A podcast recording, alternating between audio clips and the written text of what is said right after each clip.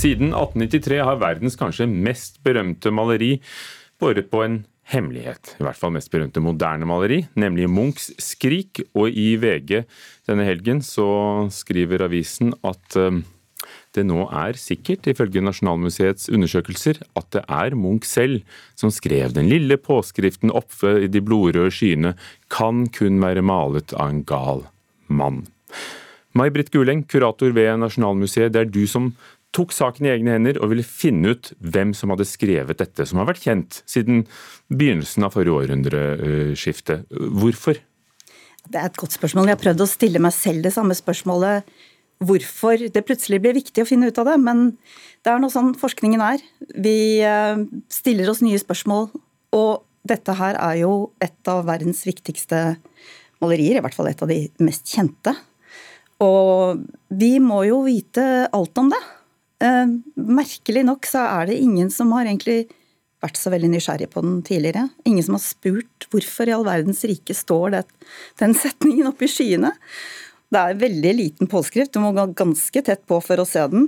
Um, og det er et lite utropstegn der også, faktisk. Så det gir et enda større kraft til utsagnet. Men uh, vi vi fant det nødvendig å gjøre litt undersøkelser eh, nå i tilknytning til at vi skal flytte. Så ble det jo da bl.a. Eh, tatt IR-foto, infrarødt foto, eh, av maleriet. Og da ble det veldig mye lettere å lese påskriften. Vi... Dette er den versjonen som de som, kunne, de som så det på det gamle Nasjonalgalleriet i Munch-salen, det er den versjonen som hang der. For det finnes jo flere versjoner av Skrik. Kunne vi se det, vi som sto der og, og så bildet? Ja, hvis du gikk veldig veldig tett innpå og visste at den var der, så ville du klare å se det. Og um, det er vel ikke så veldig mange som har gjort det, det var ikke så lett tilgjengelig. Det sto ofte mange turister foran. Men hvis man går veldig tett på, så kan man lese det. Men det ble mye lettere å lese med moderne teknologi, med infrarødt kamera så ble påskriften mye tydeligere. Da, Men hvordan kan du vite at det er Edvard Munch som ja. selv har skrevet det? Fordi allerede i 1904 ble det kommentert etter en utstilling i København, men, men uh, ingen trodde det var Munch, eller ikke alle i hvert fall? Nei, da var det en, eh, en, eh, kritiker som trodde at her hadde det vært en eller annen taktløs besøkende som hadde skriblet på maleriet. Men det er jo veldig lite sannsynlig. Hvorfor skulle de skrive så bitte liten skrift? Nesten ikke synlig. Hvis du vil drive gjøn med noen eller være stygg med noen, så skriver du litt større for å vanære. Eh, dessuten så viser disse fotografiene som er tatt med moderne teknologi, eh, skriften mye tydeligere. Sånn at vi har kunnet sammenligne bokstav for bokstav, ord for ord, med slik som Munch skriver til vanlig. Og det er en helt identisk håndskrift. Så han har antagelig da eh, Det nye vi har gjort, er jo å stille spørsmål om hvorfor skulle han ha gjort det? Da stiller jeg deg det spørsmålet. Hvorfor ja. skulle Munch ha skrevet 'kan kun være malt av en gal mann'? Det handler om at han tar kontroll over sitt eget liv, og hvordan han blir oppfattet. Og hvordan han ser på seg selv. Og det forteller eh, Fordi eh, det hele startet antagelig da med en diskusjonsaften, eller det vil si det startet med en utstilling som Munch hadde i Kristiania i 1895 med, eh, hvor han bl.a. histe skrik. Og her um, ble det voldsomme skriblerier i avisene. Han fikk altså så mye kritikk. Eh, han, det viste at han var en mentalt syk mann. Eh, og så ble det arrangert en, eh, en diskusjonsaften i studentsamfunnet, Studentersamfunnet. og Poeten Sigbjørn Obstfelder holdt en flammende forsvarstale for ham, men så reiste medisinerstudenten Johan Scharfenberg seg og sa at uh, dette her viste en abnorm kunstner. En, bak denne uh, kunsten så viste det seg en mentalt syk mann. En gal mann. En gal mann. Dette er blitt en verdensnyhet. Du skal intervjues av BBC ja. Eh, snart. Det var, gikk som en nyhet, som en farsott over hele verden. Det sier litt om den statusen Skrik har fått etter dette første mm. møtet med publikum. Se, vil vi se annerledes på Skrik når vi vet at Munch selv mente at han var en gal mann som malte det? Jeg tror det. For jeg tror at vi vil se kontrasten i han. Den sårbare sammen med han som elsker å provosere. Om et par år, 2022, så får vi se Skrik når dere åpner på det nye Nasjonalmuseet. Takk skal du ha, May-Britt Guleng, kurator ved Nasjonalmuseet. Lengter du etter å reise? Drømmer du deg bort til land i Asia og Midtøsten, Afrika kanskje, Karibia? Mat har den egenskapen at en eh, smak eller en eh, lukt på et øyeblikk kan ta oss med til andre steder. NRKs eh, matkritiker er her for å gi oss tips til kokebøker som tar oss verden rundt når ikke vi kan dra på tur. Miriam Folland, velkommen. Takk, hei. Du, hvordan er det kokebøker kan ta oss med på reise?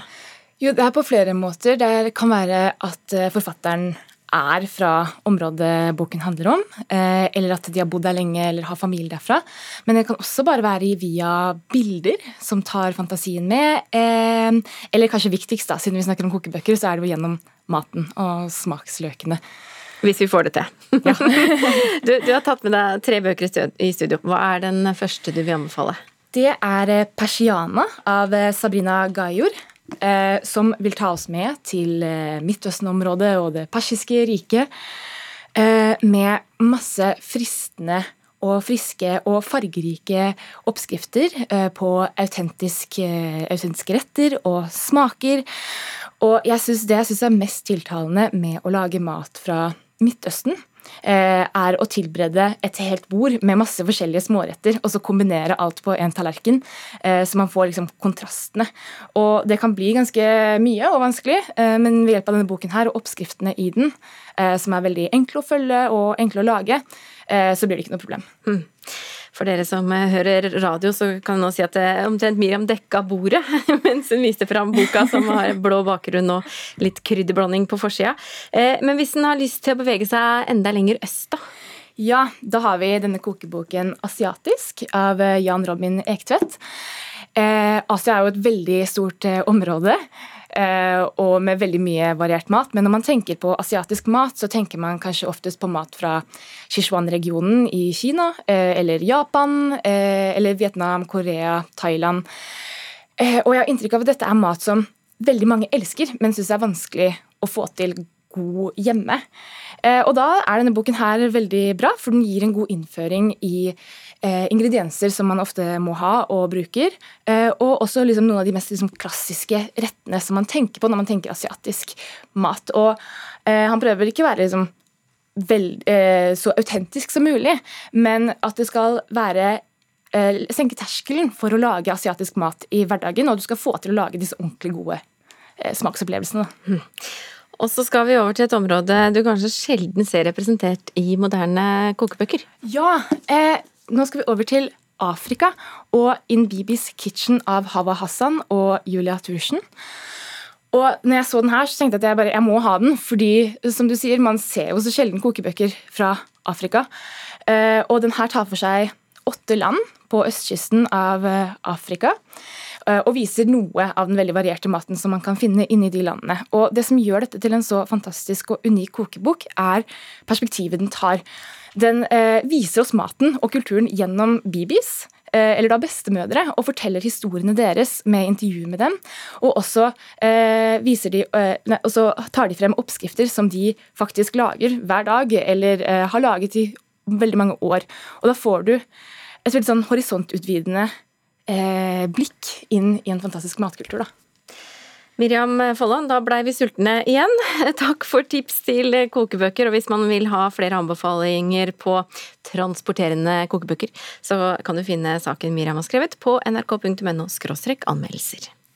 Tix kaller han seg, Andreas Haukeland, og det er han som ble stemt frem til å synge for oss på den, norske, nei, på den internasjonale Melodi Grand Prix-finalen. Han vant den norske finalen nå på lørdag.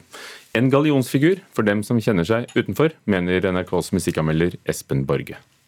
Ting som får 185 104 stemmer, og det betyr at vi har en vinner! Det er Tix! For etter å ha blitt dømt nord og ned av norske musikkmeldere, var det Tix som kunne løfte MGP-pokalen og glede seg over å være Noregs bidrag i den internasjonale Eurovision-finalen med sangen Fallen Angel.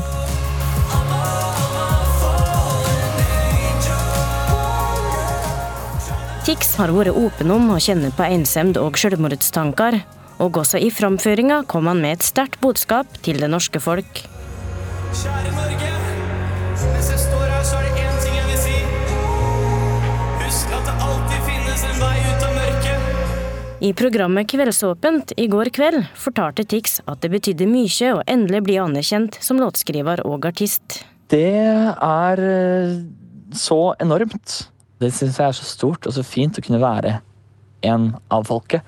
Espen Borge, musikkmelder i NRK, er ikke i tvil om hvorfor Tix vant. Tix er jo en eh, Kanskje han er i ferd med å bli en slags gallionsfigur for alle som eh, på et eller annet tidspunkt i livet har følt seg litt utafor og sånn. Det syns jeg er kjempefint at han tar sånt under sine vinger. Ganske bokstavelig talt. Jeg kjenner på et helt ekstremt press. Jeg har så sykt lyst til å kunne leve opp til de forventningene folk kjenner på nå. Men jeg fremførte den i hvert fall på engelsk i finalen, så folk vet hva de får. Reporter Oda Elise Svelstad. Jeg skal spise Tix pannebåndet på en seng av knuste glasskår fra brillene hans hvis han vinner MGP-finalen. Det sa du, Anders Grønneberg, musikkanmelder i Dagbladet i forkant av Melodi Grand Prix-finalen. Angrer du på det?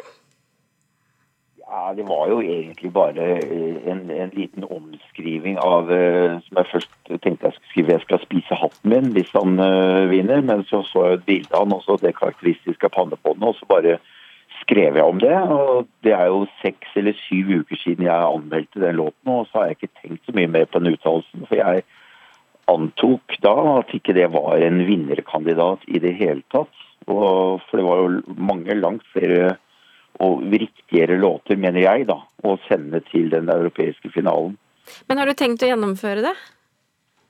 Ja, jeg, man må jo liksom Jeg er jo kjent for å være en redelig kar og stå for det jeg sier. Så jeg må jo jeg, jeg må jo prøve også å få fagfolk til å hvis han gir fra seg det pannebåndet, da, og så få en, en eller annen kokk. Og jeg har vært i kontakt med Dagbladets eminente kokk og matskribent Kristoffer Sjuve. Og han har vel ideer for hvordan det skal gjøres. Brødstekt kanskje, og med godt tilbør og en god flaske rødvin. Så, så så, så det går vel det meste ned, gjør det ikke det? Jeg mener, Vi har jo vokst opp i et land hvor folk har spist barkebrød, så vi, har jo, vi er fra en, en nasjon som har fått mye rart i oss. Men du, eh, Tix vant Norske hjerter. Eh, hva tror du om sjansen hans i den internasjonale konkurransen til å vinne alles hjerter? Jeg veit ikke. Jeg har veldig liten tro på at det er en låt som vil fenge Europa. Men uh, som sagt, jeg har jo tatt feil før. Men uh, her hjemme så har jo Tix en stor fanskare. Det, det, skal ikke jeg underkjenne. Og, og i, i, det siste så har han jo spilt veldig mye på, på personlige opplevelser. Og, og, Det er jo for så vidt greit nok, det. Og, og det er jo sunt og, og viktig å snakke om psykisk smerte og, og, og de tinga. Men og jeg tror han har fått veldig mye sympati stemmer og da barmhjertighetsstemmer. Uh, og, og, kjørt seg fram på en, på en måte som uh, har fanga et enda større publikum, tror jeg. Men at han har en stor fanskare. Han er jo mye streama og, og spilt blant et uh, yngre publikum. Anders Grønneberg, musikkanmelder i Dagbladet, som altså skal spise pannebåndet til Tix.